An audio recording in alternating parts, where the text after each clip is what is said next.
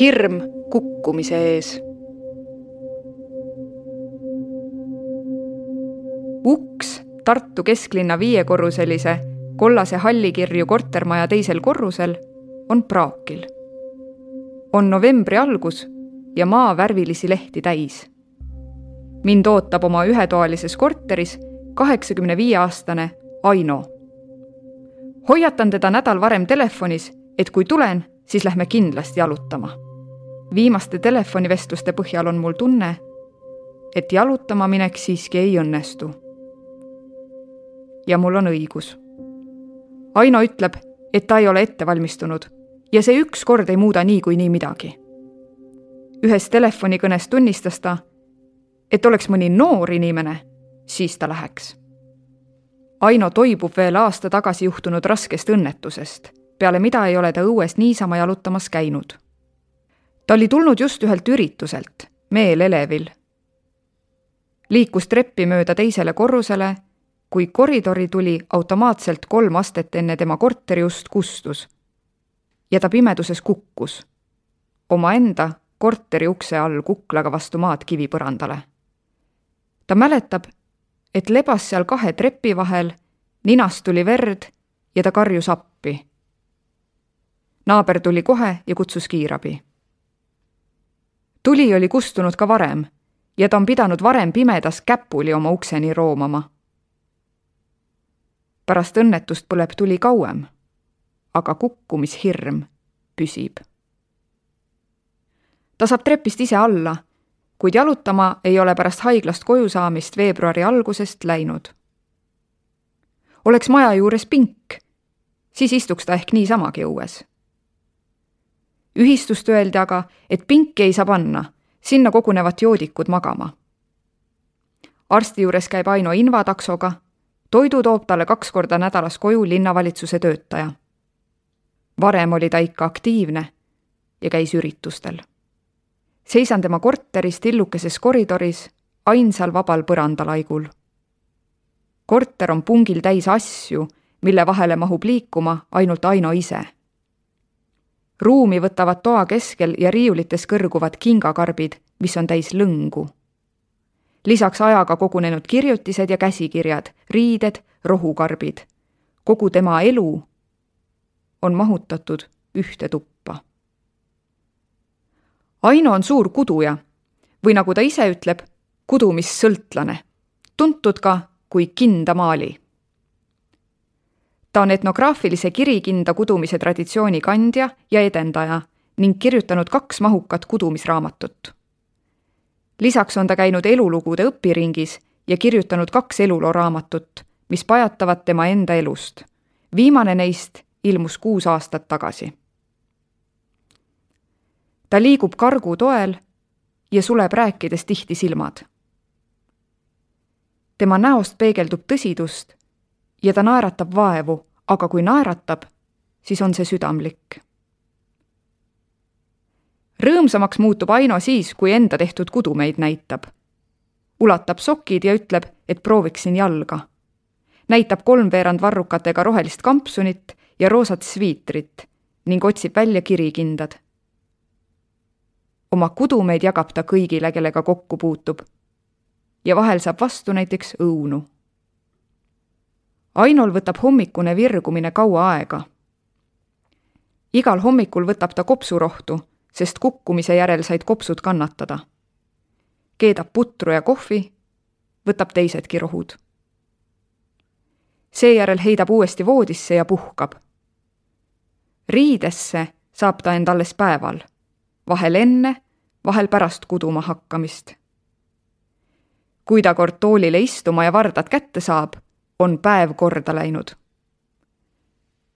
argipäeva õhtupoolikuti vaatab ta seinale kinnitatud telekast Sadamalinna saladust.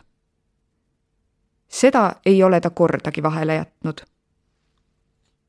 ta vabandab, et jutt ei jookse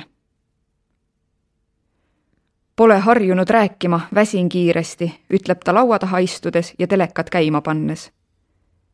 loe mu raamatuid, seal on kõik süstematiseeritult kirjas. Aino fantaasia on elav ja vahel on tal jaksu unistada. ta oli kokku kolm kuud haiglates. palatites saatsid teda unetud ööd, mil ta vaatas tihti lakke ja unistas. unistas sellest, et tema haiglaelust sünnib meeleolukas operett.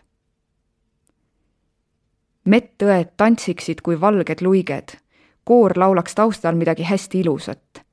Siis tuleksid punased poisid mitte kiirabitöötajad, vaid need lõbusad transpordimehed, kes teda ühest haiglast teise transportisid.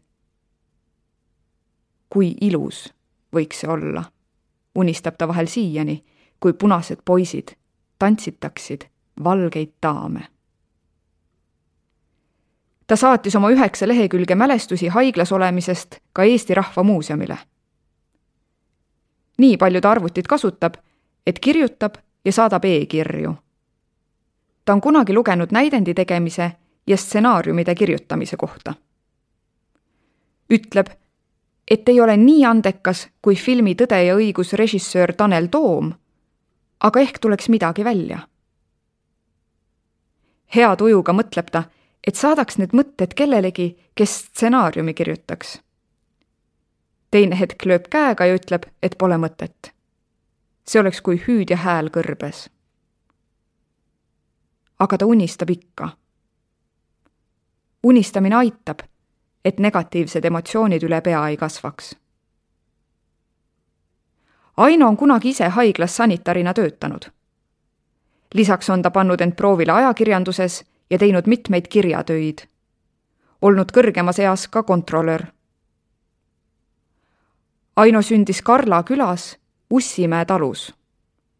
ta käis Kuivajõe koolis ja Räpina tehnikumis, millele järgnes teenistus kolhoosnikuna Harjumaal ja seejärel töölisena Tartus. tal on olnud kaks meest. Neist esimene oli sõjast mõjutatud, vägivaldne ja alkoholilembene. teist kimbutas samuti alkoholiviga. viimasega abiellusid nad tuhande üheksasaja seitsmekümne teisel aastal, kuid kümne aasta järel Aino väsis ja nad lahutasid mees oli lesk kolme lapsega. Aino lapsi endale ei lapsendanud ja praegu suhtleb vaid kasutütrega. sellesse ühetoalisesse korterisse kolis ta üksi elama juba tuhande üheksasaja kaheksakümne kolmandal aastal. katkend Aino eluloo raamatust Tädi Maali jutud. Viinavõtmised kordusid asja eest teist taga ei taha meenutada neid mõttetuid joominguid. aga üks on erilise meenutamiseta meeles. oli sügispoolne aeg, vist samal aastal kui see äikeseöö. Läksin lauta lehma lüpsma. mees tuli sinna, puru purjus ja võttis kirve kätte. Mõtlesin et nüüd on mul teise ilma minek. peksa sain mõnikord ka siis, kui ta oli päris kaine. nüüd ulatas mulle kirve varre ja ütles külma rahuga. ega mina sind ei tapa. sina tapa mind. kuula raadiost. minu sõpru tapetakse praegu peale kasutütre ja linnavalitsuse töötaja suhtleb ta vahel kooliõe ja vanapere tuttavaga. mõnikord käib läbi mõni tuttav aegadest, mil Aino oma raamatuid kirjutas ja kirjastas. üldiselt aga tullakse ja kohe minnakse. kõigil on kiire, ütleb Aino. kellelgi ei ole aega olla ja kuulata. ta on sukeldunud kudumisse kuid tunnistab ise ka, et peaks pidurit tõmbama. aga niisama lakke vaadata ja surma oodata on ka nagu igavavõitu, ütleb ta muiates. tulen järgmisel hommikul tagasi. kell on peaaegu üheksa. Aino tervitab mind öösärgiväel köögis, kus keedab parajasti putru ja hommikukohvi. teeb mullegi ühe pätikohvi. tead eile õhtul mõtlesin küll, et täna võiks jalutama minna, aga ilm on kuidagi kõle, ütleb ta. ilm on tegelikult päris soe, kostan vastu. lähme ikka. ei, tead, selline halb ilm viib tuju ka alla. mul ei õnnestugi teda veenda. ta ütleb, et võib-olla kui ma hiljem tagasi tuleks, kui ma elaks Tartus ja saaks pidevalt tagasi tulla, siis küll mul õnnestuks Aino välja viia. kuid paraku olen temast liiga kaugel. hiljem helistab ta mulle ja annab teada, et sai veel ühe soki valmis. ja et võib-olla teeb kudumises väikese pausi ja võtab kirjutamise ette. varsti tulevad jõulud, mille Aino veedab üksi. räägime veel mitu korda telefonis tema elust, möödanikust aga ka Kuu-uurijas näidatud pimedast, koopas elavast mehest ja ministri tagasiastumisest. Võru elanik, naine, seitsekümmend kaks. mida tähendab üksildus sinu jaoks? sa näed suuri kortermaju enda maja ümber ja näed nende kortermajade akendest tulesid, mille taga on inimesed nii palju inimesi.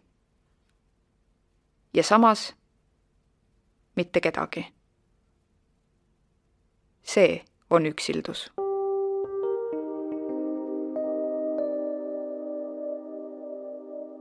idee eksperdilt üksilduse vastu võitlemiseks. mida ma tahaksin selleks ajaks, kui olen ise vana?